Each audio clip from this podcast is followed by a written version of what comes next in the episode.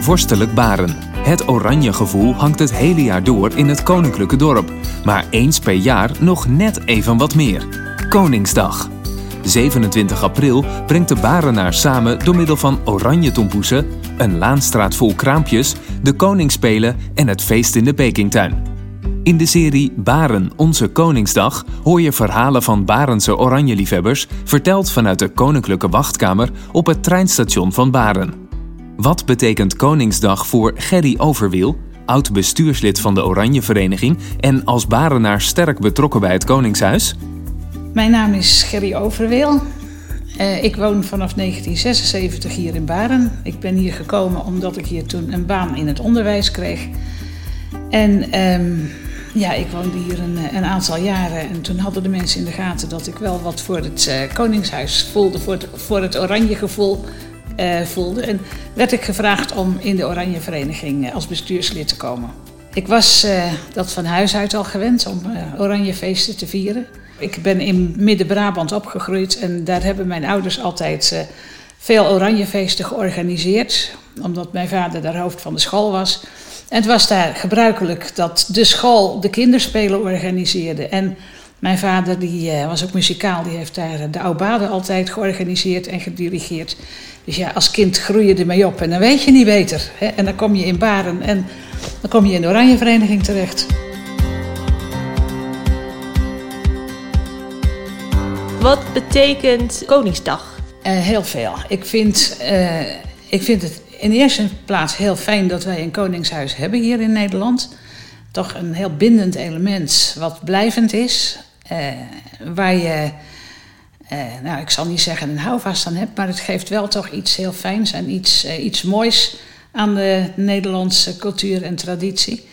Maar de koning en in het verleden de koninginnen die ik gekend heb, althans die ik meegemaakt heb, die, die hebben toch ook altijd heel veel voor Nederlandse betekend. En wat heeft het Koningshuis voor jou zelf betekend? Het Koningshuis betekent voor mij eigenlijk ook wel heel veel, omdat ik de traditie en het, het, het een gevoel heb voor, uh, voor mooie dingen in het land en voor een koning en een koningin. En vanwege mijn werk in de Oranje Vereniging, maar ook in het landelijk bestuur, heb ik de koningin in het verleden, koningin Beatrix, diverse keren mogen ontmoeten. En later ook, eh, toen was hij nog prins Willem-Alexander.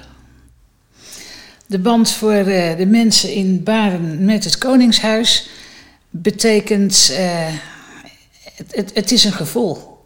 Het is een gevoel van, ze wonen hier vlakbij. Uh, we kennen ze, we zien de mensen van het Koningshuis, van de koninklijke familie, toch nog wel eens in de buurt rijden of lopen of ergens aan deelnemen. en ja, dat geeft, denk ik, als je dat vergelijkt met mensen in de rest van Nederland, toch een heel bijzonder gevoel.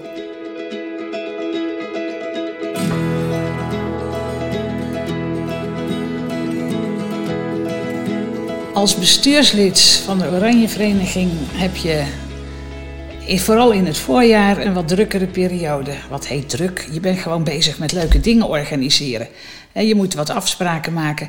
Je bent bezig om eh, leuke feesten te organiseren. De een, en we, verdelen de taken dan ook in zo'n bestuur. De een zorgt voor de kinderspelen, dat daar gewoon een leuk programma voor is. De ander zorgt voor het muzikale deel, het avondprogramma, dat daar een leuk programma komt. En ja, dan moeten met de gemeente afspraken gemaakt worden, moeten vergunningen geregeld worden. Kortom, uh, daar ben je dus in het voorjaar mee bezig. Uh, dan krijg je nog de evaluatie na Koningsdag, in het verleden na Koninginnedag. En in het najaar is er even rust en tijd voor andere dingen. Maar ja, dan uh, gaan we alweer snel aan het feestje voor volgend jaar denken. En het leuke is dat je ook altijd met iets leuks bezig bent. Eh, over het algemeen is Koninginnedag en Koningsdag nu een, fantastische dag. Gezellig, waar bijna iedereen aan deelneemt en iedereen aan meedoet. Normaal gesproken, hier in Baren, beginnen we met taarten uitdelen aan de vroege vlaggers. Ik zeg we, ik ben geen bestuurslid meer hoor, maar dat is wat ieder jaar gebeurt en wat ik jarenlang meegedaan heb. Uh, dan uh, is er een opening, een aubade, een zang, zangconcertachtig iets in de kerk.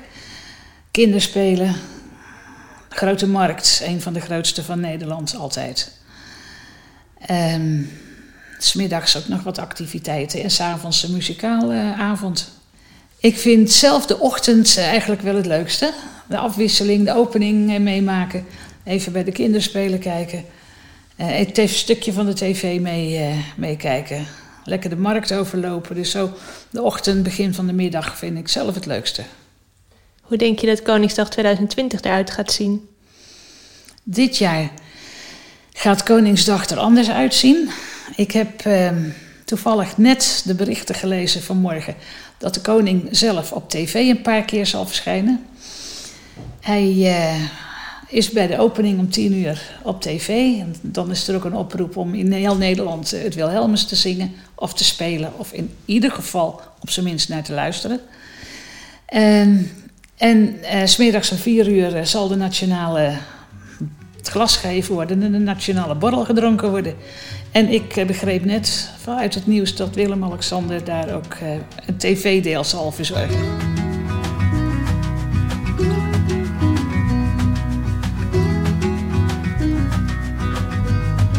Een hele bijzondere ontmoeting die ik, nou een stukje organisatie wat ik gehad heb, was in 1986. De défilés waren er tot 1980, maar in 1986, 87 uh, waren Juliana en Bernard 50 jaar getrouwd. 6 eh, januari. Maar in 86 zijn we begonnen in overleg met uh, Rijksvoorlichtingsdienst en, en anderen. En een aantal mensen hier van de Oranje Vereniging om een groot feest te gaan organiseren voor het huwelijk in 1987. En dat is heel groot gevierd in de Paleistuin met vertegenwoordigers van alle provincies, koren en muziekkorpsen uit de provincies uit iedere provincie één. Uh, grote praalwagens, uh, dat is een gigantische manifestatie geweest, waarvan vanuit Baren ook heel veel deelnemers waren. Alle vrijwilligers kwamen hier uit Baren, die geholpen hebben. 200 schoolkinderen hebben nog een koor gevormd, allemaal hier uit Baren. Uh, nou ja, en met elkaar hebben we gewoon een groot feest gehad in de Paleistuin. Dat vind ik wel een van de hoogtepunten geweest.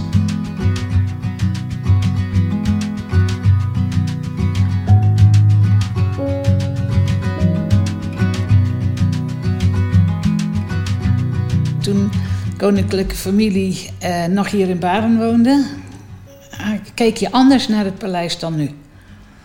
Als je e-, echt, ik hoor van zoveel mensen die zeggen: ik, als ik langs het paleis rijd, kijk ik nog altijd even naar rechts. Kijk nog altijd even of de vlag in top staat of zo. Ja, dat is niet meer. En dat is een heel ander gevoel dan wat je eerder had. Want wat voor gevoel was dat als je dan langs reed en de vlag ging uit? Ja, een beetje het gevoel van uh, een, een moedergevoel van, oh, ze is thuis. ja, niet dat je ze veel zag, maar het gevoel van, ja, de koningin, uh, ons allermoeder, uh, is thuis. De vlag staat in top. Beetje beschermend gevoel, ja.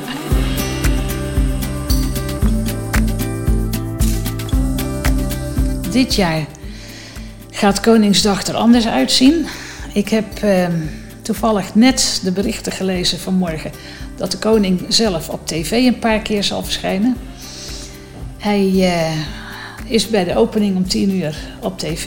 En dan is er ook een oproep om in heel Nederland het Wilhelmus te zingen of te spelen. Of in ieder geval op zijn minst naar te luisteren. En, en uh, smiddags om vier uur eh, zal de nationale het glas gegeven worden en de nationale borrel gedronken worden. Er zijn natuurlijk veel mensen die de dag thuis doorbrengen. En ik wens iedereen toch een hele fijne dag, gezellige dag. Maak er wat moois van. En ik zou zeggen, probeer zaterdag of maandagmorgen toch lekker oranje gebak te gaan kopen. Het ondersteunt de plaatselijke bakkers. En uh, je hebt er zelf gewoon genot van, geniet ervan. En, en koop een fles uh, of een pak uh, oranje drank, al of niet met alcohol, zuurderans.